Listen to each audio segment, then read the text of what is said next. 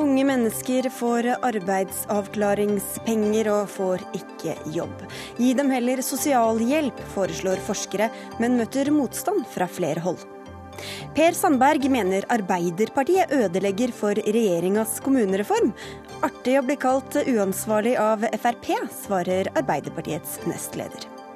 Vi bør slutte å fremheve alle historiene om seksuell trakassering, mener kommentator. Hvorfor skal kvinnene alltid knebles, spør samfunnsviter. Og norske medier må ta stilling i klimakampen, forlanger Fremtiden i våre hender. Kommer ikke til å skje, svarer redaktør.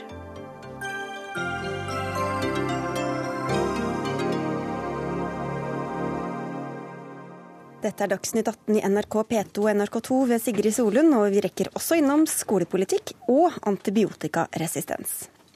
Unge mennesker uten jobb blir gående i årevis på arbeidsavklaringspenger, og får gjerne mer utbetalt på den måten enn de ville fått betalt i en ufaglært jobb. Det skriver forskere fra Sintef i Dagens Næringsliv, og vil ha endringer i systemet og gjøre kommunene ansvarlige for disse ungdommene. Seniorforsker i Sintef Solveig Osborg Ose, hvem er det som kan få arbeidsavklaringspenger i dag? For å få ytelsen så må en ha et helseproblem som fører til at eh, arbeidsevnen blir redusert med minst halvparten. Men så skriver dere at dette ikke nødvendigvis gjelder alle som får, eh, får denne, denne, ytelsen. Ja, Det at en kan få innvilga det her uten å ha en eh, alvorlig sykdom, skyldes jo at um, Eh, det er arbeidsevne som vurderes, heller enn inntektsevne. Og eh, Nav har ganske lite tid til å følge opp AAP-mottakerne, så da blir det en passiv ordning. Men i tillegg så er det en medisinsk ytelse, og det her medfører at eh, helsefokuset blir veldig stort. Og en passiv medisinsk trygdeordning, det er ikke det de unge trenger. Og da peker dere heller på sosialhjelp eh, som en bedre løsning for denne gruppa det gjelder? Ja, Kommunal sosialhjelp det er en midlertidig ytelse, og det er mye vanskeligere å bli passiv på sosialhjelp enn på AP. Og I tillegg så er ikke sosialhjelp en medisinsk ytelse, og da blir det ikke så stort fokus på helseproblemer som det naturlig blir på AP. Og så får man mindre utbetalt? Ja. Kirsti Bergstø, du er stortingsrepresentant for SV. Heller sosialhjelp enn arbeidsavklaringspenger, hører vi her. Hva syns du om det? Kan først si det vi er enige om. Det vi er enige om er at man trenger tett individuell oppfølging eh, når man er på arbeidsavklaringspenger. Eh, og det bør gjelde alle, uavhengig av alder, når man eh, har et helseproblem og når man trenger en, oppfølging. Men eh, det er ikke sånn at syke mennesker i dette landet skal gå på sosialhjelp. Eh, det er sånn at vi har egne ordninger for det. Eh, og når det gjelder eh, hva som eh, vurderes som alvorlig sykdom eller ikke, så stoler jeg på at legene gjør den vurderinga. Er det noe som virkelig ikke bedrer helsa di, så er det å gå i en konstant usikker økonomisk situasjon og ikke bli, bli, bli trodd av systemet. Vi kan komme litt tilbake til dette medisinske om en liten stund, men først, Ose, hvorfor er det bedre for de unge å få sosialhjelp enn arbeidsavklaring? Hvordan skal det få dem raskere ut i jobb? For det første så får de tettere oppfølging. Og, og, det at det er en medisinsk ytelse, det gjør at helsefokuset blir veldig stort. Og hvis du egentlig ikke har et veldig alvorlig helseproblem, så blir det det som dominerer uansett når det er en medisinsk ytelse. Og da, som du sier, er det en kommunal, eh, kommunal ytelse også. Hvilke insentiver har kommunen i dag for å sørge for at disse unge menneskene enten kommer seg ut i jobb eller studier eller på annet vis kommer seg ut av ytelsene? Ja, det Insentivet er ganske svak, vil jeg si. Hvis staten finansierer inntekter til unge med en raus ytelse, så slipper kommunene å ta de økonomiske konsekvensene av at unge faller utenfor. Og dette på tross da, av at det er kommunene som har virkemidler for å forebygge at unge faller utenfor. Arbeids- og sosialminister Robert Eriksson, kommunene har jo ansvaret for disse fra de er født nærmest og til de er ferdig med skolen. Hvorfor ikke også etter dette, når de skal få dem ut i jobb?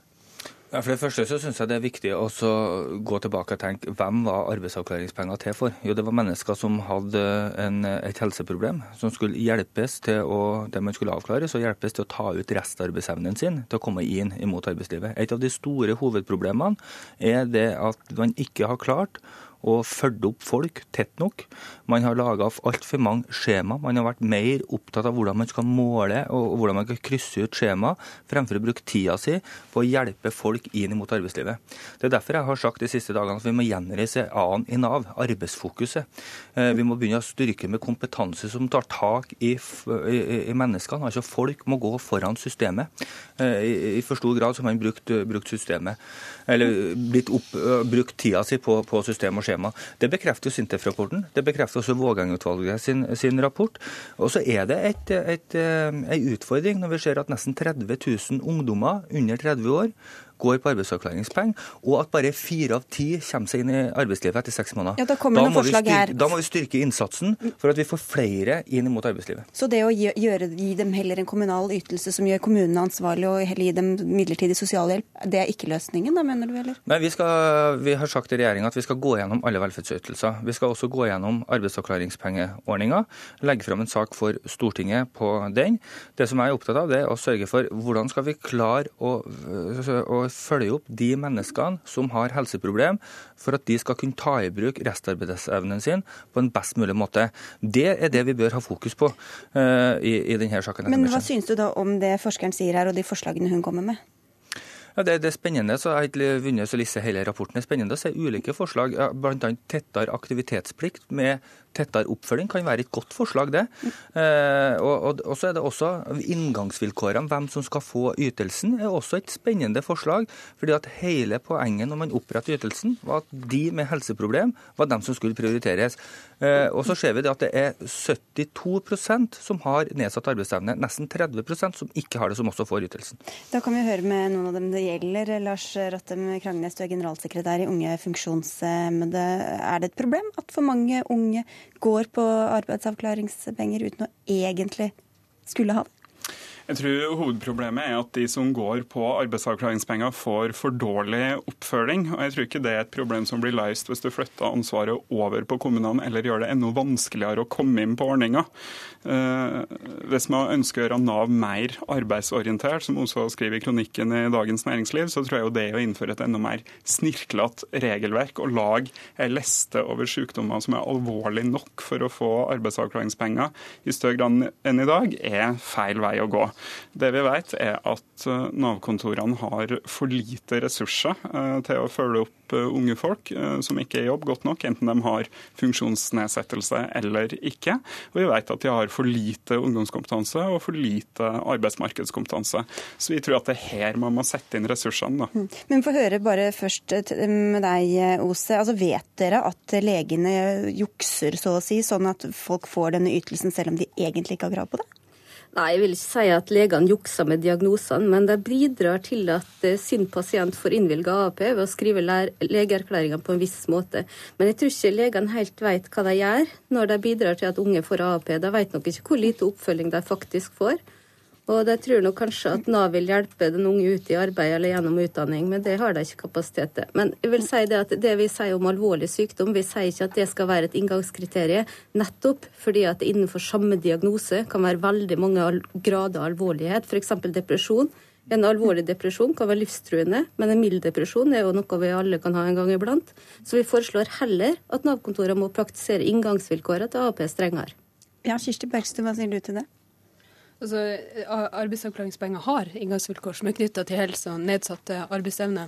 Og så er det jo eh, viktig at eh, Nav har nok folk, at man har eh, faglig skjønn og muligheter for å drive å bruke hodet lokalt eh, i forhold til eh, oppfølging av, av den, den, enkelte. Det er viktig at Nav-systemet og de tiltakene man blir tilbudt, skal være tilpasset den enkelte, og at ikke den enkelte skal tilpasse seg det systemet Nav, Nav, lager. Men når vi snakker om ungdom, så må vi se hva er det ungdom trenger. Altså, er du syk, så er det jo eh, oppfølging og, og, helse du trenger. Eh, er du eh, i risikosonen i forhold til eh, å ramle ut eh, av andre grunner, rus, eh, hva det ønsker være, ja, så trenger du andre tiltak. og er du arbeidsløs ung, ja, så trenger du å komme i jobb. Derfor har SV foreslått en ungdomsgaranti, som vi dessverre ikke fikk støtte for, som innebærer at man skal få et tilbud om aktivitet, kvalifisering og arbeid innen, tre måneder. Men det det høres ut som dere egentlig alle fire etterlyser, er jo da bedre kapasitet hos Nav, da, Robert Eriksson. og det er det vel egentlig bare en av dere som kan gjøre noe med? Ja, altså, og Det spørs hvordan skal vi utvikle, eller hvordan skal vi ta i bruk den kapasiteten og de ressursene vi har i Nav eh, på en bedre måte. Jeg er veldig opptatt av at vi skal ha myndige Nav-kontor, der man eh, kommer lokalt. og der, altså lokalt At de får større myndighet til å ta seg av det her brukernære eh, oppfølginga av brukernære vedtakene. For det, Vi bor jo rundt omkring i kommuner. Det er helt naturlig at vi går til vårt lokale Nav-kontor. Når jeg sier at vi må se på inngangsvilkårene, så er ikke det å gjøre det vanskeligere, men det at vi er sikrere på at de som skal ha ordninga, kommer inn i ordninga, får bedre oppfølging, tettere oppfølging. Det tror jeg er kjempeviktig for å lykkes og, og få flere over i arbeidslivet. Og så syns jeg det er litt interessant å høre på på, på, på, SV òg, fordi at de satt jo i regjering i 80 år, var med og innførte denne ordninga. Hvorfor brukte man da all sin tid og energi på å lage skjema og ga ordre til Nav om å bruke tida si på å fylle ut skjema fremfor å bruke eh, tida si på folk. Folk må gå foran mm. system og skjema. Der kom de åtte årene, men du, Før du skal få svare på det, så kan du få si hva er det dere etterlyser da hos Nav eh, og vi, de forslagene som kommer nå. Hva syns du om dem? Eh, det er mange positive forslag som kommer her fra Eriksson. Problemet er jo at den stortingsmeldinga som ble lagt fram eh, over nyttår, der en del av her forslagene inngår, så står det jo òg at det skal skje eh, innenfor de ressursrammene som Nav har i dag. At man skal ha denne økte satsinga på unge, denne økte satsinga på personer med nedsatt funksjonsevne. Samtidig så er det jo sånn at det er bare en del av løsninga. Vi har jo et arbeidsmarked i dag som er sånn at det ikke det er ikke lett å komme inn i sin første jobb hvis du har nedsatt arbeidsevne, hvis du trenger tilrettelegging. Og da er det ikke noe Nav kan gjøre uten at det er andre f.eks. midler til Jo, Nav kan bidra til å Nav kan fjerne noen av de skrankene som legger systemet i dag for å få utdanning som tiltak, og Nav kan uh, vri ressursene over på mer kontakt med, med lokale arbeidsmarkedet og skaffe seg mer ungdomskompetanse. Men da må man bruke, være villig til å sette inn de ressursene og pengene som kreves. Ikke begynn å snakke om de åtte årene nå, vær så snill, Kirsti Bergstø. Men skal bare si, En ting som er veldig bra, eh, som vi fikk til, og det var kvalifiseringsprogrammet, eh, som jo er mer eh, i kjernen til ungdom som trenger å kvalifisere seg og få tett individuell oppfølging. Fordi at da har man jo en ytelse som er noe høyere enn sosialhjelpa, at du kan ha hodet over vann i lengre tid. Husk at det å leve på sosialhjelp over tid, det er ingen god løsning. Og de aller fleste som får sosialhjelp, får det fordi de trenger å komme seg over ei kneik for en kort periode. Derfor er ikke det en god løsning for syk ungdom. De må være tilpassa systemet systemet. Men hvis man skal tilpasse og hvis man skal følge opp, så krever jo ressurser. Og du kan ikke ha ansvar for 100 øh, 000 brukere liksom, når du er, jobber i Nav, Robert Eriksson. Kommer det da flere ressurser som blir etterlyst her?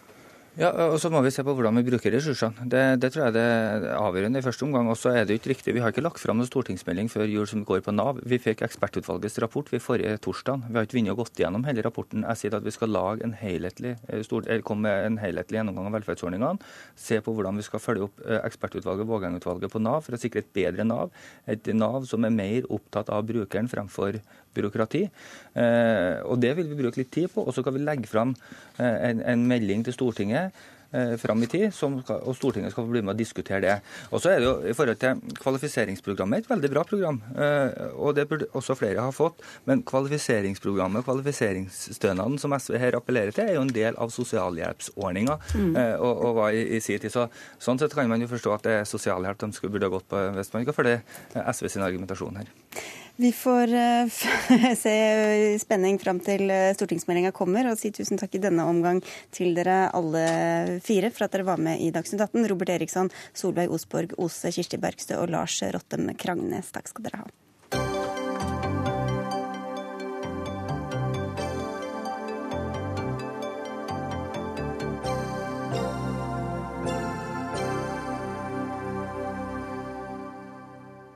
Arbeiderpartiet hører ikke på forskninga når de satser på en nasjonal norm for lærertetthet og skolemat for å gjøre skolen bedre.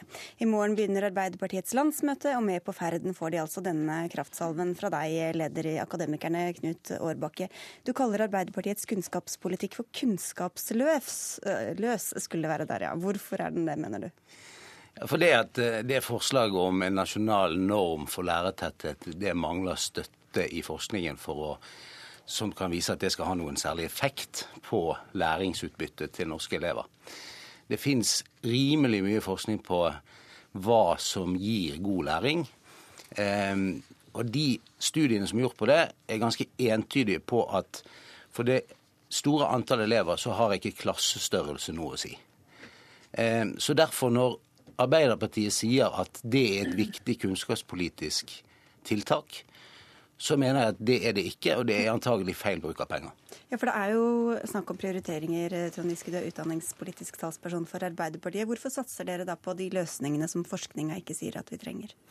Eh, bare for først å ta eh, skolematen, da, som eh, du også nevnte. Den står ikke i vårt kunnskapsprogram overhodet. Den står i vårt helseprogram. Eh, og en av de største medlemmene hos eh, Akademikerne i Legeforeninga har anbefalt at man eh, innfører frukt og grønt i skolen. Det har ikke jeg sagt noen ting om, Trond. Nei, jo da, i Aftenposten nei, så sier du at nei, så er det, det er. Høyre som sier det. Jeg ja, sier ikke det. Høyre kommer inn etterpå, ja, vi får vente med skolematen. Men poenget er i hvert fall at skolemat kan for så vidt hjelpe konsentrasjon av læring, men som skolepolitisk tiltak så kommer du nok veldig langt ned på lista. Men som helsepolitisk tiltak for å forebygge sykdom og spare masse penger i helsevesenet, så er godt kosthold fra barndommen et viktig tiltak. Og det er der den saken kommer inn, så den håper jeg vi kan legge død. Så er det spørsmål om lærertetthet. Vel, altså, Dette er et av mange forslag, og jeg er enig i at det er andre ting som kommer høyere på lista sånn forskningsmessig. Undervisningskvaliteten, eh, oppfølging av elevene. Eh, tidlig innsats, hvor du hjelper folk til lesing, skriving, regning eh, tidlig i skoleløpet. Eh, god skolehelsetjeneste som gjør at du kan takle psykiske problemer osv. Alt dette kommer høyere på forskninga om hva som virker, og alt står i Arbeiderpartiets program og er forslag fra oss. Men jeg mener også at vi trenger større lærertetthet. For når vi går ut i skolene og spør lærerne hvilke elever som sliter, så vet alle lærere det. Og når vi spør dem hva skal til for at du kan følge opp dem bedre, så er det få som sier at bare jeg hadde noen flere studiepoeng, så hadde kunnet hjelpe dem. Etterutdanning, videreutdanning, veldig bra, viktig. Men det de sier er at vi trenger tid. Vi trenger tid til å følge opp hver enkelt elev bedre, og da må du ha nok lærere i skolen. Altså Relasjonen mellom lærer og elev er noe av det viktigste for å få til god læring. Men det har ingenting med klassestørrelse å gjøre. Og Det viser altså forskning ganske entydig. Og Det å da bruke noen milliarder kroner på å innføre en norm for lærertetthet i et land der lærertettheten egentlig er ganske eh, stor. Vi har altså en, en tettere, altså vi har ca. 16, 16 elever per lærer i Norge sånn generelt sett. Det er mye, det, i forhold til de fleste land vi liker å sammenligne oss med.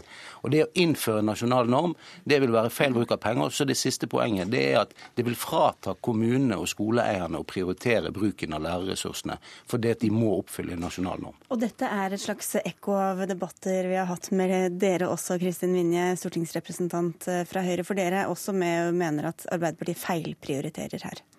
Ja, altså Dette handler jo om å bruke den kunnskapen som vi har, og så handler det om å prioritere de rette tiltakene. Og da er det sånn at Den forskningen vi har, den sier at liksom av 130 faktorer som påvirker god læring, som jeg mener er det viktigste målet med skolen, så er det de 16 Eh, første punktene handler om å styrke læreren. Og det er det Høyre prioriterer. Når vi diskuterer skolepolitikk med Arbeiderpartiet, så er det to forslag som eh, skiller seg ut.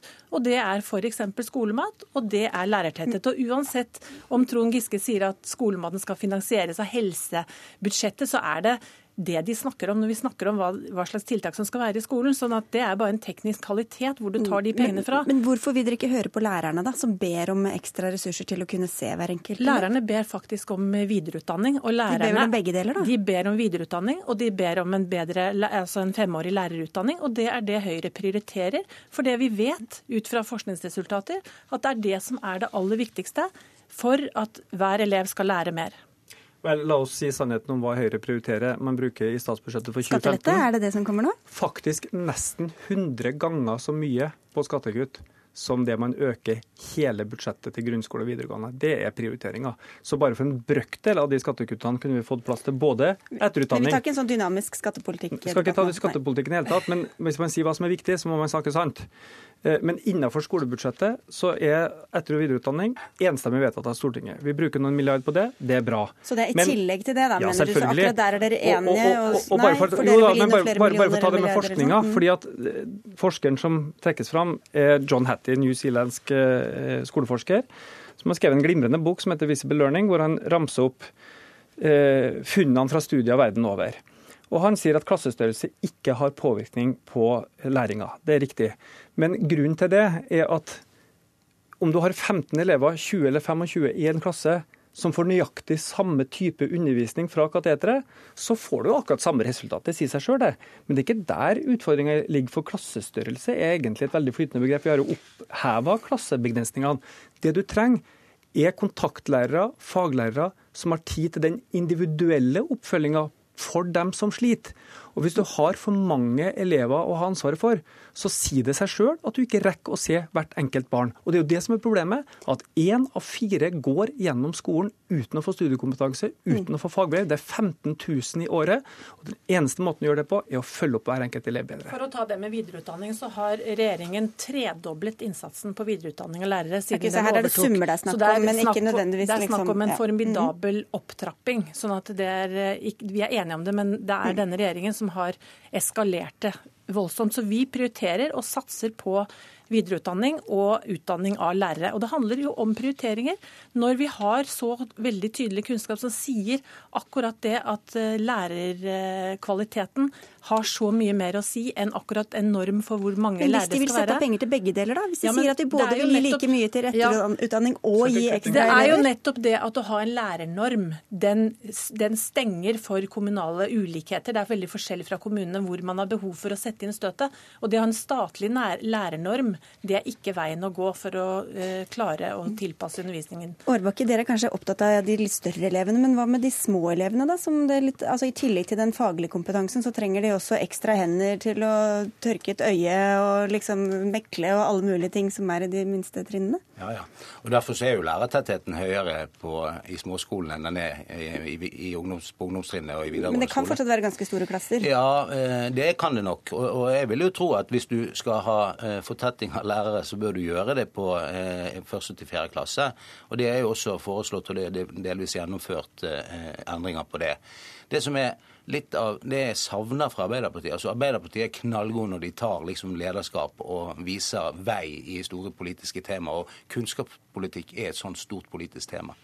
Og så de, skal de behandle et dokument på landsmøtet sitt nå til helgen som er lite visjonært for kunnskap og norsk skole, syns jeg. Og det syns jeg er synd, for det at uh, dette er et av de viktigste Hva slags visjoner er det du savner, da? Savner visjoner for hva, hvordan skolen skal være. Hva er det elevene skal lære? Det er viktig med pedagogikk og kunnskap om hvordan å lære bort, men du må også ha noe å lære bort.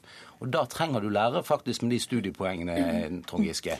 Da skal du få istemme Kristin Linje for Trond Giske skal få avslutte. Ja, jeg må jo bare få lov til å nevne at i Oslo så har vi ført Høyres skolepolitikk i mange år med ganske gode resultater, som har blitt debattert ganske heftig her i NRK de siste dagene. Og det gir et eksempel på at man prioriterer det som er det viktigste, nemlig alle de tiltakene som bidrar til at hver enkelt elev lærer mer. Og det gjelder ikke minst de aller svakeste elevene, som profitterer veldig på det når man konsentrerer innsatsen om det som er viktig og bruker de faktorene som bidrar til mer læring. Men nå skal dere, når dere øker skatten igjen, så får dere råd til alt, eh, Trond Giske? Vi får heller ikke da råd eh, til alt, men med en norm så kan vi i hvert fall hindre at eh, kommuner bruker lærerstillinger som salderingspost i kommunebudsjettet sitt. NRK rapporterte sjøl før jul her at sju av ti kommuner i Hedmark og Oppland f.eks hadde kutt i skolebudsjettet pga. kommuneøkonomien. Det skaper uro i skolen, og det gjør også at lærerne blir litt mindre villige til å jobbe fleksibelt og moderne når man er trua på tida. Så jeg tror også dette bidrar. Men vi har mange gode forslag som jeg helt sikkert ikke rekker å, å, å, å ramse opp. Det er veldig farlig eh, å la deg si at du skal få avslutte. Ja, men, det skal jeg aldri gjøre mer. Nei, da, men, men, men, poenget er bare at eh, gode lærere trenger vi. Femårig lærerutdanning er vi med på, men det kommer riktignok ikke før til neste periode, så vidt jeg forstår. Trondiske, Trond nå må du avslutte. Og vi skal følge opp så alle lykkes i skolen. Det Takk er det viktigste. Takk skal dere ha, alle tre, for at dere kom til Dagsnytt 18.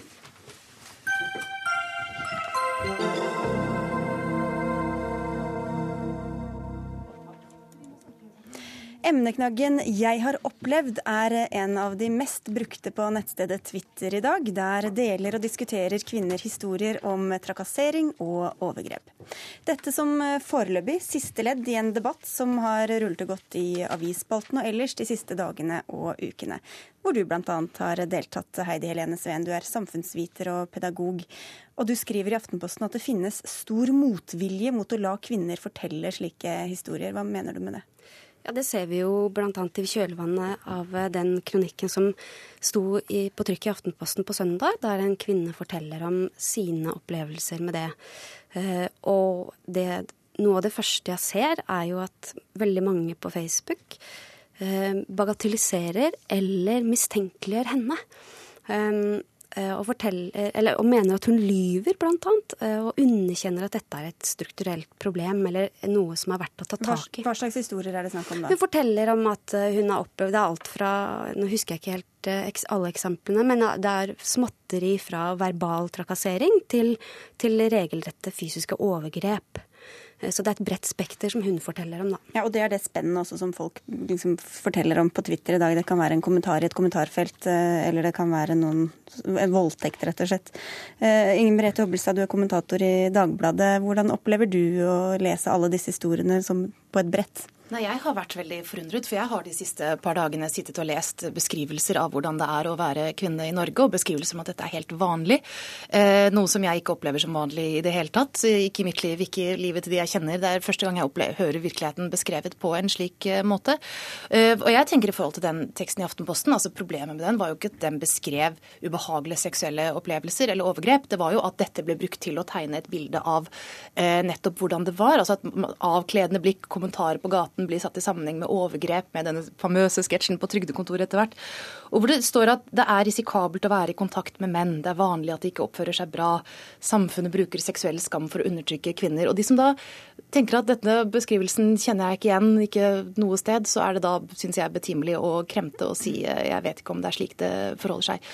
Um, samtidig så er det verdt å ta med seg at seksuell trakassering selvfølgelig er et problem. Altså når det skjer, det er forferdelig vemmelige, krevende uh, situasjoner som mange har opplevd, men for de fleste så hører det til de absolutt unntakene i omgangen med hverdagen med menn. Ja, jeg forstår ikke denne, dette behovet for å underkjenne dette som et problem. Jeg skjønner heller ikke hvorfor man bruker en, eh, et, et, en enkel kronikk eh, og angriper den personen som har skrevet den kronikken for kanskje å ha sagt noe generaliserende. Altså, det er en agenda her som jeg ikke klarer å forstå. Og, og den, den, er spredt ganske godt utover blant kvinner og menn. Og jeg, og jeg lurer rett og slett på hva er det som ligger bak det behovet, for det er et alvorlig problem. Og denne eh, underkjennelsen, eller denne bagatelliseringen, den rammer de kvinnene individuelt som har opplevd det, men den rammer også samfunnet på et mer generelt nivå, for den skaper et klima hvor folk ikke tør å melde ifra fordi de er redde for nettopp ikke å bli trodd. Eh, altså jeg er åpenbart uenig i dette. Altså jeg tenker at Når noen sier at slik er verden, slik er det å være kvinne, slik er menn, dette må vi gjøre noe med, så må jo de som tenker at man må være mer presis i forhold til det man uh, kan gjøre noe med, vi må da uh, kunne si fra om dette. At man ikke er enig verken i virkelighetsbeskrivelsen eller den foreskrevne diagnosen. og Det jeg tenker også er at altså det som jo er en gjennomgangstema i disse opplevelsene, det er uønsket seksuell oppmerksomhet. Eh, og som sagt, altså i de situasjonene hvor det er utartet trakassering eller overgrep, så selvfølgelig det er svært alvorlige problemer. Hadde du eller kronikkforfatteren bare at det hadde vært poenget, at vi trenger mer forskning, mer oppmerksomhet rundt det, så selvfølgelig, ja, amen, jeg skriver under på det. Det er jo sikkert alle, uh, alle andre. Men uh, jevnt over så er altså uønsket seksuell oppmerksomhet er jo en del av hverdagen. Man legger an på hverandre, trenger seg inn på hverandre, eh, kommer med tilnærmelser som sikkert mange opplever som ubehagelige. Er det der det ligger, liksom? At du altså, mener vi må tåle mer enn det? Altså, det er en del av å bli voksen og lære seg å takle det der, og sette grenser og si fra når man ikke vil. I de aller fleste situasjoner så fungerer jo det aldeles utmerket, eh, og det andre hører til absolutt et ubetydelig mindretall. Eller ikke et ubetydelig mindretall, men et mindretall. Nei, Dette er veldig hårreisende å høre på, men det, det får stå for Hobbelstads egen regning å beskrive eh, seksuell trakassering som et problem man bare må lære seg å håndtere. Faktum, faktum, er at eh, 13 eh, av kvinner i aldersgruppen 16-24 år opplever uønska seksuell oppmerksomhet. Men hvis man slår sammen alle disse tingene, vi nevnte trygdekontor og alle reaksjonene på den, det er nett troll, og det er eh, på måte plystring på gata, og det er voldtekter. Altså, Hvilken verdi har det å generalisere det til et, et samla samfunnsproblem? Eh, det er ikke et poeng i seg sjøl å generalisere alt det der. Eh, lage en lapskaus av det og generalisere ut ifra det. Vi trenger en omfangsundersøkelse på nasjonalt plan for å vite hvor utbredt dette her er. Og det mangler vi. Men det finnes mange mindre undersøkelser som viser at dette her er et problem, og at det må tas tak i. Eh, og vi leser stadig i avisene om arbeidsplasser som Eh, hvor ansatte har opplevd seksuell trakassering og ikke blitt trodd. Og det blir saker av dette her. Og det er klart at vi trenger mer forskning. Og da, treng, da, er, da er, det veldig rart at noen da ha, ta, bruker denne anledningen til å fortelle at dette er antageligvis ikke et stort problem. Uh, igjen, dette er jo for gjenta, dette er jo feil. Altså, jeg har jo sagt hele veien i denne debatten at seksuell trakassering åpenbart er et samfunnsproblem, og som det bare er å sette av ressurser til. Det har du eh, faktisk ikke gjort. Du har faktisk skrevet i dag i Dagbladet at du ikke ser at dette kan være et strukturelt problem. Det står der svart på hvitt. Jeg har skrevet svart på hvitt i Dagbladet at seksuell trakassering er et problem, og at det er veldig krevende, vemmelige situasjoner når det oppstår. Og jeg har hele tiden fremholdt at det selvfølgelig skal tas alvorlig.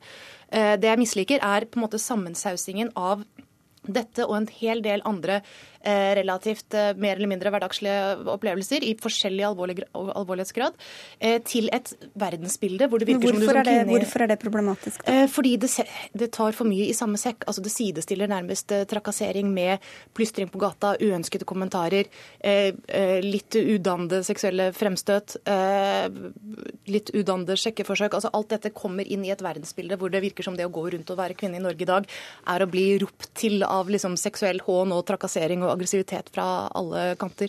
Eh, og det tror jeg er en opplevelse veldig mange ikke kjenner seg igjen i. Jeg tenker at innsatsen til Hobbelstad i den debatten her bare underskriver min, eh, poengene i min kronikk. Da ble vi ikke enige i denne omgang, som vi pleier å si her. Eh, takk skal dere ha i hvert fall begge to for at dere kom til Dagsnytt 18, Inger Merete Hobbelstad og Heidi Helene Sveen.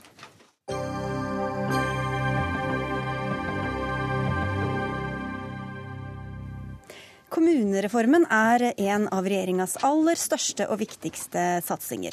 Men reformen kan komme til å bli så utvannet at det nesten ikke blir noe igjen av den. Og det er i så fall Arbeiderpartiets skyld, sier du til Klassekampen i dag. Per Sandberg fra Fremskrittspartiet. Det, det, det er alltid sånn det begynner. Nei, men altså, det jeg prøver å si er, jeg syns det er trist at, eh, og litt useriøst at Arbeiderpartiet melder seg ut, for jeg ville gjerne hatt med meg Arbeiderpartiet. Fordi at jeg har fulgt med Arbeiderpartiet og, og Helga også i forhold til eh, deres tidligere uttalelser i forhold til kommunestruktur. Og der har ikke minst Helga vært klar og tydelig.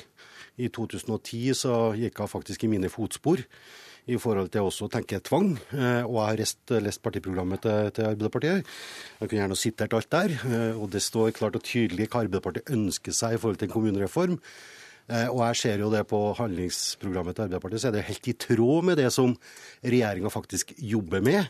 Men nå er de eh, uansvarlige, sier du? Ja, fordi at de melder seg ut. De vil ikke være med på det. Så da blir det litt utydelig og uklart hva vi endelig handler, havner opp med i Stortinget. fordi at vi er i mindretallsregjering. Eh, vi skal forhandle med KrF, Venstre eller begge to.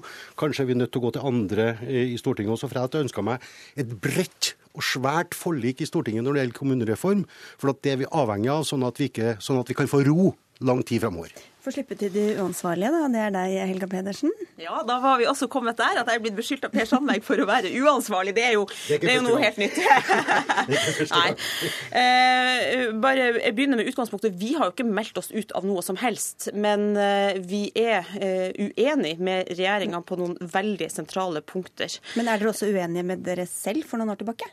Nei, det er vi ikke. Vi har et veldig klart og tydelig partiprogram som eh, sier at eh, vi mener det er fornuftig med endringer i kommunestrukturen, men at det skal basere seg på lokale ønsker og behov, og at frivillighet er hovedregelen eh, for Arbeiderpartiet. Og Med det utgangspunktet er det jo også at vi har sagt nei til regjeringa sin bruk av veldig knappe tidsfrister, trusler om å bruke inntektssystemet for å straffe de kommunene som ikke vil slå seg sammen frivillig, og til syvende og sist en, en trussel om tvangssammenslåing sammenslåinger i Stortinget etter at man har bedt fylkesmennene lage forslag til eh, kommunekart. Hvis det er uansvarlig å være uenig med Frp og Høyre, så Nei. gjelder vel ganske mange Nei, det at, det at Arbeiderpartiet, når Arbeiderpartiet satt i posisjon, satt i regjering, så kan det godt være at SV og Senterpartiet la noen hindringer for, for, for Arbeiderpartiet i denne regjeringa. Det vet jeg ingenting om.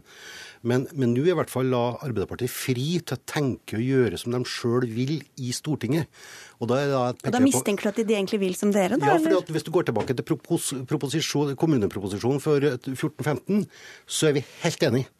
Og det er én årsak til at vi er enige. Det er det at Fremskrittspartiet og Stortinget klippet ut handlingsprogrammet til Arbeiderpartiet. Så la vi inn det som merknader i kommuneproposisjonen, og da var de nødt til å slutte seg til. Og der står det rett og slett akkurat akkurat det regjeringa gjør. Og jeg synes ikke, altså Tidsnøden jeg, mener, jo faktisk at vi kunne gått fortere fra meg enn det vi gjør da. Det er en diskusjon som jeg har hatt med Høyre. Men prosessene er i gang der ute, eh, og de er gode, de prosessene som er der ute. Jeg har vært og besøkt mange kommuner, mange fylker. Fine, gode prosesser på gang. Og så er det sånn at inntektssystemet til kommunene det er jo en bestilling som den forrige regjeringa faktisk gjorde. Eh, og det vi var enige om at inntektssystemet måtte få en gjennomgang, det kommer neste år. Men så har vi det som ligger på bordet i dag, oppgavemeldinga.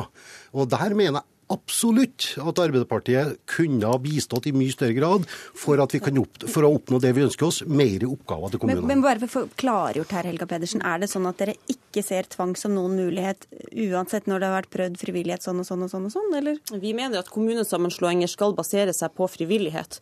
Og så er det sånn at Vi kan ikke utelukke at det finnes eh, tilfeller eh, der man eh, må eh, trå til fra overmakta, holdt jeg på å si.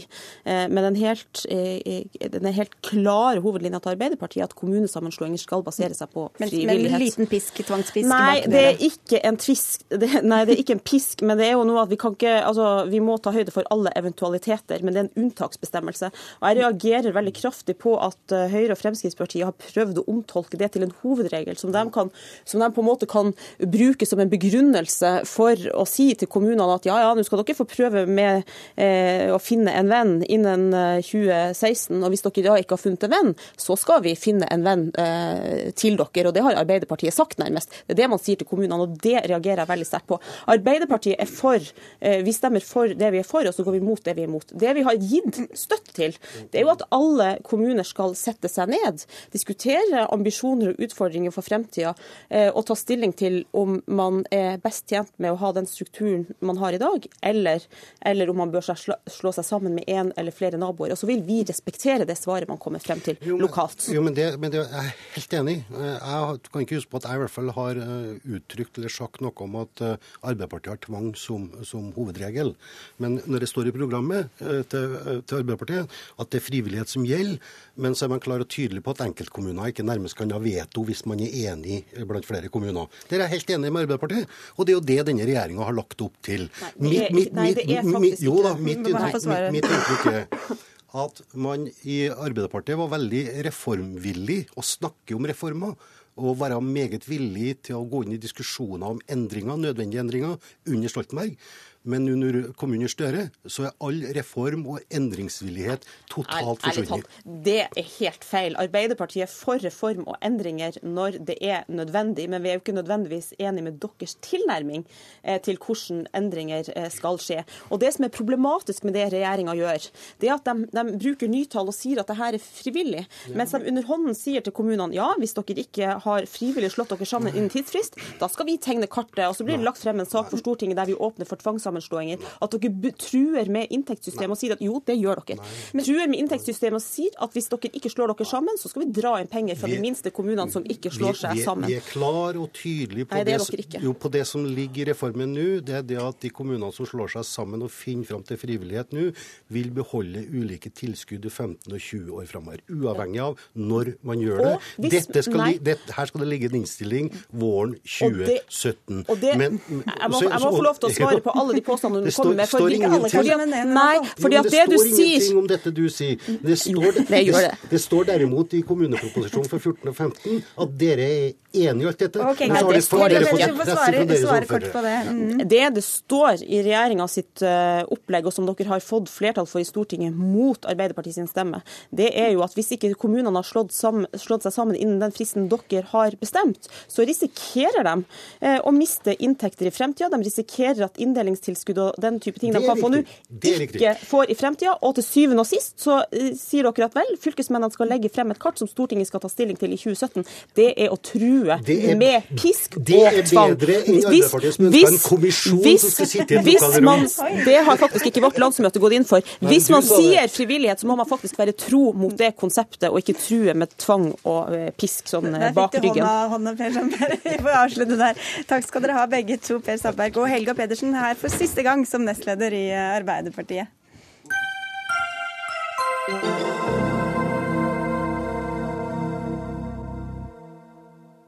Hver fjerde nordmann får nå en resept på antibiotika eh, i løpet av ett år. Totalforbruket i Norge er eh, dobbelt så høyt i dag som for 30 år siden, og det bekymrer. For med økt medisinbruk øker også faren for at bakteriene blir resistente, slik at medisinen ikke biter på dem. Per Espen Akselsen, du er overlege og faglig leder ved Nasjonal kompetansetjeneste for antibiotikabruk i spesialhelsetjenesten. Trekker pusten der. Hvor stort er dette problemet i Norge? Eh, nei, Noe av, eh, av, problemet med dette er nok at mange ikke kjenner dette som en umiddelbar trussel. Og eh, det tar nok kanskje noe tid før dette rammer vanlige mennesker. Det som er bekymringsfullt, er at dette allerede rammer i liten grad, men om noen få år kan ramme i mye større grad de aller sykeste pasientene. For når vi er blitt veldig flinke til å gi medisinsk behandling med avansert behandling av kreft som svekker, eh, eh, svekker eh, immunforsvaret, behandling av nyfødte med lav fødselsvekt, så, og intensivpasienter som får mange kateter og slanger og sånt, som medfører dette eller disse pasientene har en risiko for sykehusinfeksjoner. Mm. Og, og, resultatene i den behandlingen det at vi er blitt så flinke, det hviler på den forutsetningen at vi har effektive antibiotika. Og det er nok disse pasientene som i første omgrad vil rammes når antibiotikaresistensen øker, og det gjør den i Norge. Og da er det kanskje noen som tenker at men jeg har ikke brukt så mye antibiotika, så jeg er trygg, men sånn er det jo ikke. Eh, altså Det er ikke så farlig for den enkelte pasient å bruke antibiotika, men eh, hvis vi ser det i et samfunnsperspektiv, så eh, henger total antibiotikabruk sammen med økning i resistens. Og så er det slik at De bakteriene vi er mest redde for, tarmbakterier, eh, som de, de spres, de resistente utgavene av disse spres i sykehus mellom de sykeste pasientene. og Det er den største bekymringen. Stortingsrepresentant for Høyre og farmasøyt, får jeg legge til Sveinung Stensland. Hvem har skyld i den voldsomme økninga av bruken av antibiotika? Tror ikke vi skal fordele skyld i denne saken. Dette er en utvikling som har skjedd over tid. Men det er nå engang sånn at det er ingen eh, mennesker i Norge som får antibiotika uten at en lege eller en tannlege har forskrevet det. Så helsepersonell har jo en stor del av løsningen på problemet.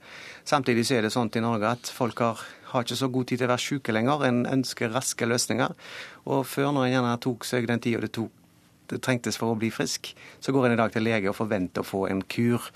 Og det presset der, det er nok med å akselerere utviklingen. Det hørtes ut som du oppfordret til høyere sykefravær. Eh. Jeg oppfordrer iallfall til at folk skal ta det litt mer med ro, ikke mase på legen med en gang de har feber for å få en antibiotikakur. Der ligger hunden med grad. 85% av alle eh, antibiotikakurer skrives ut av fastleger i møte med helt vanlige infeksjonssykdommer. Kjersti Toppe fra Senterpartiet, du er nestleder i helse- og omsorgskomiteen, og lege får vi vel også legge til da, når vi er inne på den galeien. Hvor bekymra er du for den utviklinga?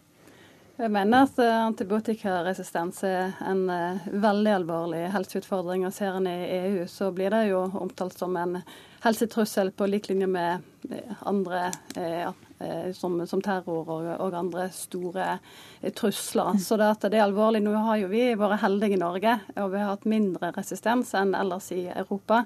Men det er alvorlig med den utviklingen vi ser, med økning i resistens, og at vi har hatt en dobling i antibiotikabruken på, på 30 år. Så det er alvorlig. Og Hvordan syns du regjeringa da svarer på den trusselen? Nå har det blitt gjort ganske mye i politisk og helsefaglig i Norge med å opprette kompetansesenter, og det har vært forskrifter og Eh, og regler som skal, retningslinjer som skal sikre rett antibiotikabruk. Eh, men eh, det er jo ikke Vi mangler den siste pushen for å implementere dette i helsetjenestene. Og jeg har etterlyst fra helse- og omsorgsministeren flere ganger nå en tydeligere politisk drive for å få dette inn. Og Senterpartiet har fått flertall for et forslag i Stortinget nå om å få en egen handlingsplan i helsevesenet, og vi setter da mål om å få en reduksjon i, i bruken av antibiotika med 30% på, på, fem år. og Det har nå Stortinget vedtatt, så det er jo en god ting. Mm. Helseministeren kunne ikke være her, men du kan jo svare. Hvor blir det av denne stortingsmeldinga og denne krigen mot uh, Den kommer, og Statsråden har jo også satt ned en arbeidsgruppe mellom fire departement som ser på dette. For dette handler ikke bare om helsepolitikk, det er jo landbrukspolitikk, fiskeripolitikk, næringspolitikk. Det er mange sektorer som må jobbe sammen. Og helseministeren eh, var glad, tror jeg, for det initiativet som kom fra Kjersti Toppe og Senterpartiet. Og det er blitt fulgt opp på en veldig god måte.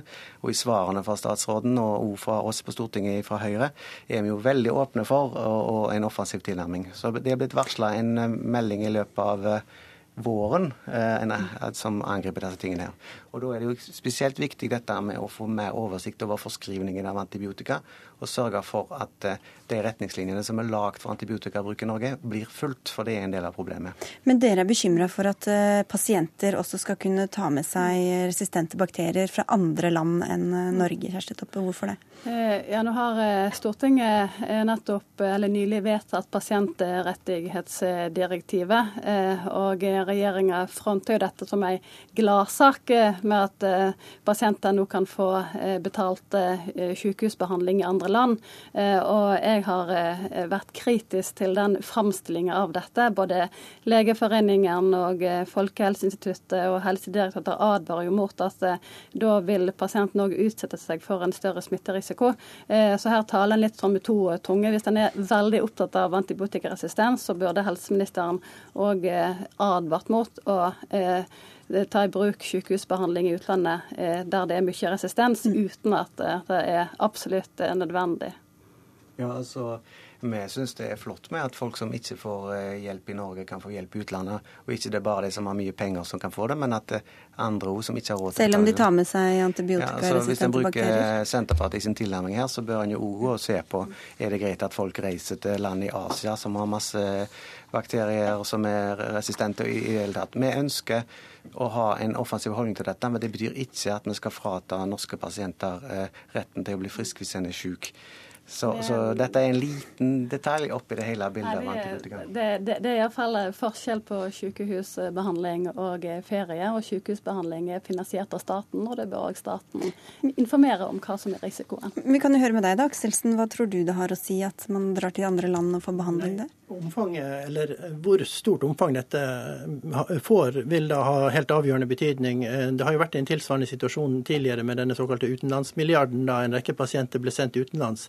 Da gjorde man et kvalitetssikringsarbeid der bl.a. smittevern og forekomst av antibiotikaresistens var kriterier for hvilke sykehus de kunne få behandling på. Sånn at eh, Når man har vedtatt dette, så tror jeg det vil være fornuftig å se på også disse tingene, om man kan sette noen eh, kriterier for dette, noen krav til hvilke behandlingssteder som skal godkjennes. Og så eh, er det nok slik at Volummessig så har vi en betydelig innstrømming av resistens, fordi at vi vet at nordmenn smittes med tarmbakterier, med resistente tarmbakterier på helt vanlige feriereiser. Eh, det reiser en kvart million nordmenn til Hellas hvert eneste år. Eh, de har de verste resistensforholdene i Europa. Risikoen for å bli bærer av disse bakteriene, symptomfri bærer, den ligger på 10-15-20 hva kan man gjøre da, hvis man har blitt Eller blir man nødvendigvis syk hvis man får det Nei, seg de det er det som er litt vanskelig i dette her. For de aller fleste de merker ikke engang at de er bærere av disse bakteriene. Eh, og de fleste kvitter seg med disse. Men hvis du er blitt bærer av en slik bakterie f.eks. etter å ha vært i Hellas eller Spania, og får antibiotika, så er risikoen stor for at du er kronisk bærer. Da kan denne bakterien overføres til andre hvis du har kontakt med helsevesenet, mm. eller hvis du selv blir syk og trenger sykehusbehandling, så er det faktisk slik at de Pasientene vi snakket om tidligere, de aller sykeste, de får først og fremst infeksjoner med sine egne bakterier. Mm. Og disse bakteriene har da et fortrinn fordi at de er resistente mot andre eh, mot eh, flere eh, antibiotika, og de vil da eh, blomstre opp hvis det gis vanlig eh, antibiotikabehandling. Og det volumet er vel mye større enn de som reiser på sykehusopphold til andre land, da, Toppe? Eh, ja, eh, det er jo sant. Men eh, nå er jo sykehus en plass der en har stor risiko for å få smitte. Men det er nå likevel sånn at det er jo her i Norge vi må ha den største innsatsen nå for å få ned risikoen for antibiotikaresistens. Så norske sykehus så er det bare én av tre som i dag har et system for kartlegging av antibiotikaresistens. Så det er veldig masse vi kan gjøre på sykehus her og nå med bedre kartlegging, både på sykehus, men òg i, i allmenn allmennlegetjeneste. Der vi kan vi må få bedre system for å kartlegge legenes forskrivningspraksis og system på det, slik at en kan endre praksis på de legene som, som skriver for, for mye antibiotika. Ja, altså 85 eh, skrives ut i allmennpraksis, og en bruker for mye bredspektra. Det er hovedproblemet. Når det gjelder utenlandsreiser, så er det sånn at eh, allmenne hygieneregler, håndvask, god kjøkkenhygiene, de tingene der som en del nordmenn har glemt, fordi det er ikke så farlig med infeksjoner lenger, tror vi. Det er viktig å få på plass. Så det er en del ganske enkle grep vi kan gjøre, og så er det en del litt mer tekniske grep som vi gjør. Og et av de første vi må gjøre, er å få oversikt over forskrivning og sørge for at de retningslinjene, de faglige retningslinjene som er vedtatt, blir fulgt. Og det er et av hovedproblemene i Norge i dag. Ja, men, men, eh, Jeg er helt enig i det, men eh, noe av problemet er nok at eh, de mest bredspektrede midlene bare forskrives på sykehus. Og norske leger innenfor, sykehusleger innenfor forskjellige spesialiteter har nok ikke tatt inn over seg at de gode behandlingsresultatene de har i dag, de er helt avhengig av at de har effektive antibiotika å behandle med. Og hvis de skal ha behandling, like god behandling til fremtidens pasienter, så er vi nødt til å husholdere antibiotikabruken i dag. og og være mer nøkterne med måten vi bruker antibiotika på. Så legene må slutte å gi det så lett, og vi må slutte å be om det ved enhver eh, forkjølelse. Takk skal dere ha i hvert fall for at dere kom til Dagsnytt 18 eh, alle tre.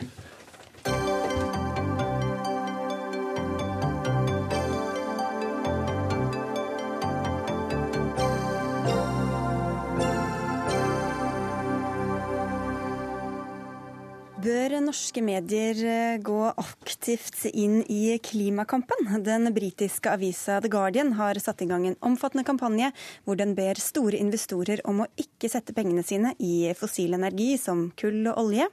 Avisa har som mål å vekke engasjementet hos leserne, og har satt av store journalistiske ressurser til å gjøre nettopp det. Og dette initiativet bør norske medier følge opp, mener dere, Arild Hermstad, du er leder i Framtiden i våre hender. Hva kan norske mediehus lære av The Guardian? Det The Guardian sa når de gjorde dette, var at journalistikken har sviktet klimakampen. Eh, man har holdt på i 20 år med å, å fortelle litt historier om klima. Eh, vi har brukt veldig lang tid på å gi mye, mye rom til klimaskeptikere. Eh, og nå begynner det å haste så mye at mediehusene må kjenne sin besøkelsestid. Og The Guardian har jo koblet seg på en global bevegelse som minner om apartheidbevegelsen, som handler om at nå er det på tide å stoppe investeringene i kull, olje og gass. Eh, dette er, eh, dette er et engasjement som springer ut fra universiteter, kirker, eh, men hvor også fond har begynt å kaste seg på. Så her i Norge har jo KLP og Storebrand og Nordea annonsert at de vil selge seg ut av kull. Så det er enormt mye journalistikk som kan gjøres på det som kommer til å skje med klimaet vårt fremover. Og der er det ingen norske avishus som tar dette på alvor. En slags kampanjejournalistikk, da? En god, gammeldags kampanjejournalistikk er det de har gjort, og det mener vi også er nødvendig at vi gjør her i oljelandet Norge, som kanskje i enda større grad enn engelskmennene trenger en sånn type journalistikk. Ja, Lars Helle, sjefredaktør i Stavanger Aftenblad, er dette et eksempel til etterfølgelse? Eh, det er mye som er imponerende med det arbeidet Guardian har gjort. Eh, det er det ingen tvil om. Og de har nok òg en god del flinke journalister som kan dette området inn og ut. Og det kan nok kanskje være en mangelvare i norske eh, redaksjoner. Når det er sagt, så, så tror jeg at den type holdning og de går inn i denne kampanjen med, er en måte som ikke jeg er spesielt begeistra for, og som heller ikke er spesielt vanlig i norske medier, selv om vi driver med kampanjejournalistikk både her og der. Jeg tror at uh, sånne allmenne mediehus som f.eks. Stavanger Aftenblad og de andre store avishusene i Norge uh, skal dekke ting, ha kritisk tilnærming til ting, men, men å innta en sånn uh, fundamentalistisk side i en så, så, viktig sak, det får jeg litt sånn umiddelbart skepsis til. altså. Eh, nå hører jeg veldig godt at du sitter i Stavanger. for Hvis du mener det er fundamentalistisk å være kritisk til de planene som eh, kull- og oljeindustrien har altså Klimapanelet, eh, som er nokså allment akseptert, som sitter på kunnskapen om dette, sier at vi har funnet tre til fem ganger mer kull og olje enn det vi kan brenne hvis vi skal holde temperaturen på jordkloden under to grader. Likevel så fortsetter kullselskapene og oljeselskapene å leite etter mer eh, olje og gass og kull. Eh, og den historien det handler ikke om hva vi skal gjøre i morgen eller om ti år, men det handler om hvor mye penger skal vi putte inn i disse selskapene. Eh, og I Norge så får sannsynligvis ikke mediene med seg at globalt så skjer det en fornybar revolusjon. I 2013 så var det første året det ble installert mer sol og vind i verden enn kull, olje og gass. Mens vi sitter og lever med myter om at eh, norsk olje og gass er mest miljøvennlig i verden. Vi får høre at eh, vi trenger mer energi. Eh, alle disse mytene sitter da norske avishus og er med på å forsterke hver eneste dag, og, og de går da glipp av, Det er av ikke, en det er ikke helt ganske rett. og det er Til og med i Stavanger, selv om vi har mange oljeselskaper der, så driver vi og utfordrer de store oljeselskapene så å si hver dag på hva de har tenkt å gjøre med f.eks. For fornybarindustrien. Nå går vi inn i en valgkamp hvor den regionen jeg er i, eh, må være enormt opptatt av et liv uten uh, oljevirksomhet osv. Så, videre. så, det, så det er men, men, vil kan si at det er fundamentalistisk å gå inn og gjøre god journalistikk på dette? Det, det er det jeg ikke forstår. Nei, jeg- For for- dette er jo ikke et fundament Men jeg må få svare, da. Hvis det... jeg, jeg er for god journalistikk på, på, på klima, og det kan sikkert gjøres mer. Jeg sier jo òg at jeg, jeg tror Jeg skulle ønske at det var flere journalister som var Men er det fundamentalistisk å ta stilling Nei, og si at vi vil også bidra Ja, i altså, kampen mot det som, er, det som litt kjennetegner klimadebatten, er at eh, frontene blir av en eller annen grunn ekstremt steile. Både fra klimaskeptikerne sin, sin side og fra de på den andre siden. Og Det betyr òg at, eh, at eh, det, det, det er ofte sånn og, og det som Hvem er de på den andre siden? Hva mener det, du med det? Det gjelder bl.a. fremtiden i våre hender. Altså, holdningen er Men gjelder det også Erna Solberg, liksom? Hun er jo ikke noen klimaskeptiker. Nei, og hun er ikke klimaskeptiker. Det er heller ikke norske medier. Og Derfor så mener jeg at de belyser dette mye bedre enn en Hermstad sier her.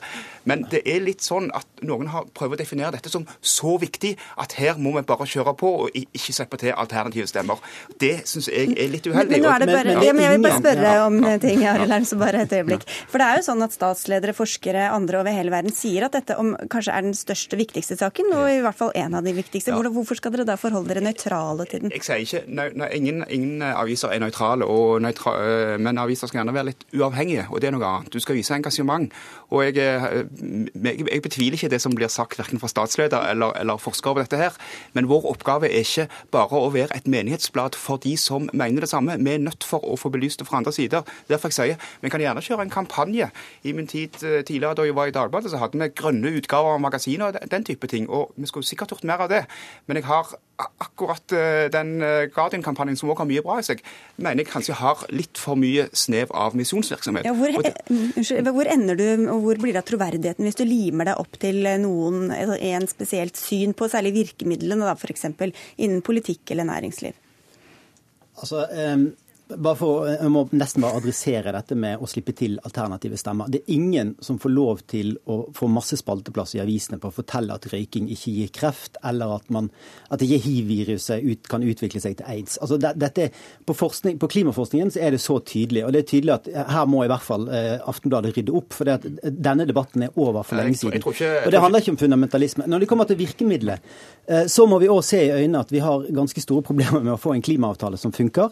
Eh, Vi må se i øynene at økonomisk boikott har virket i, i Ja, men- mange tilfeller. Men at mediene skal på en måte kreve spesielle virkemidler, altså hvor er det man skal legge seg? Det er jo politisk uenighet om hvor, hva som er de riktige virkemidlene for Jeg, altså Problemet er ikke det. Jeg, jeg sier ikke at en norsk avis skal kopiere virkemidlet til The Guardian. En norsk avis kan gjerne agitere for aktivt eierskap for å snu Statoil til et fornybarselskap. Men hvis ikke man tør å gjøre kampanjevirksomhet på den viktigste saken i dette århundret, så svikter journalistikken klimaet. Og det, eh, det, Lars Helle vet jo dette utmerket godt. Han, han, i, i, I Dagbladet så kjørte man en kampanje i, mens du var i ledelsen, for å få etiske retningslinjer for oljefondet. Uten det så hadde det, det hadde kanskje kommet, men det hadde tatt mye lengre tid. Og uten drahjelp fra mediene så kommer altså klimasaken til å Vi kommer til å bruke mye lengre tid på å Selvfølgelig, det Jeg heller ikke noe behov for å gå hjem og rydde opp i Sogn Aftenblad, for vi har tydelige meninger i denne saken. så det er ikke det. Men jeg tror at det er metoden vi er mer uenige om enn, at, enn, at, enn målet. Og, og vi har vært f.eks. vår avis, og jeg mener også de fleste norske store aviser, er ganske bevisst på dette her. Og de flommer ikke over av klimaskeptikere, men de slipper til, de òg, hos de fleste. Hvorfor det, da? Jo, fordi at vi mener at en, en sak blir belyst. Uansett om folk har rett eller feil, så, må, så tror jeg at, en- at en debatt kan eh, være tjent med at folk slipper til orde. Eh, og det skaper mye mer aggresjon på begge sider hvis de ikke gjør det. Og, men det er, det er heller ingen rettighet. Enhver som sier, som benekter røykens farer eller, eh, eller eh, Slipper også til, kull- mener du, kullets farer, de får, får lov de har ikke få å de har ikke rett til å slippe til. Jo, men det er meningen. Det, det er der jeg får, det er der jeg sier. Det største Det er Det største, det største problemet er jo at oljeselskapene og norsk oljeindustri slipper til med å fortelle sine myter, og det et- går ikke, dere går ikke etter de i sømmene. Og så lurer jeg litt på hvor viktig det er å ta hensyn til annonsørene der da i Ja, Det har ingenting å si. og De som har fulgt vår dekning av Statoil i vår, vil vite det. For det har han skrevet side opp om og side ned om hver eneste dag. Og de forsvinner ikke av den grunn? Nei. ja, men eh, da ble det stille, så da benytter jeg anledningen. Vi venter på kampanjen. Dere må vente lenge, ser det ut til. Takk skal dere ha, i hvert fall Arild Hermstad fra Framtiden i våre hender og Lars Helle fra Stavanger Aftenblad. Dagsnytt 18 er over for i dag. Skript var Oda Holm Gulbrandsen. Berit Ytrehus hadde ansvaret for innholdet. Teknisk ansvarlig var Finn Lie, og i studio Sigrid Solund.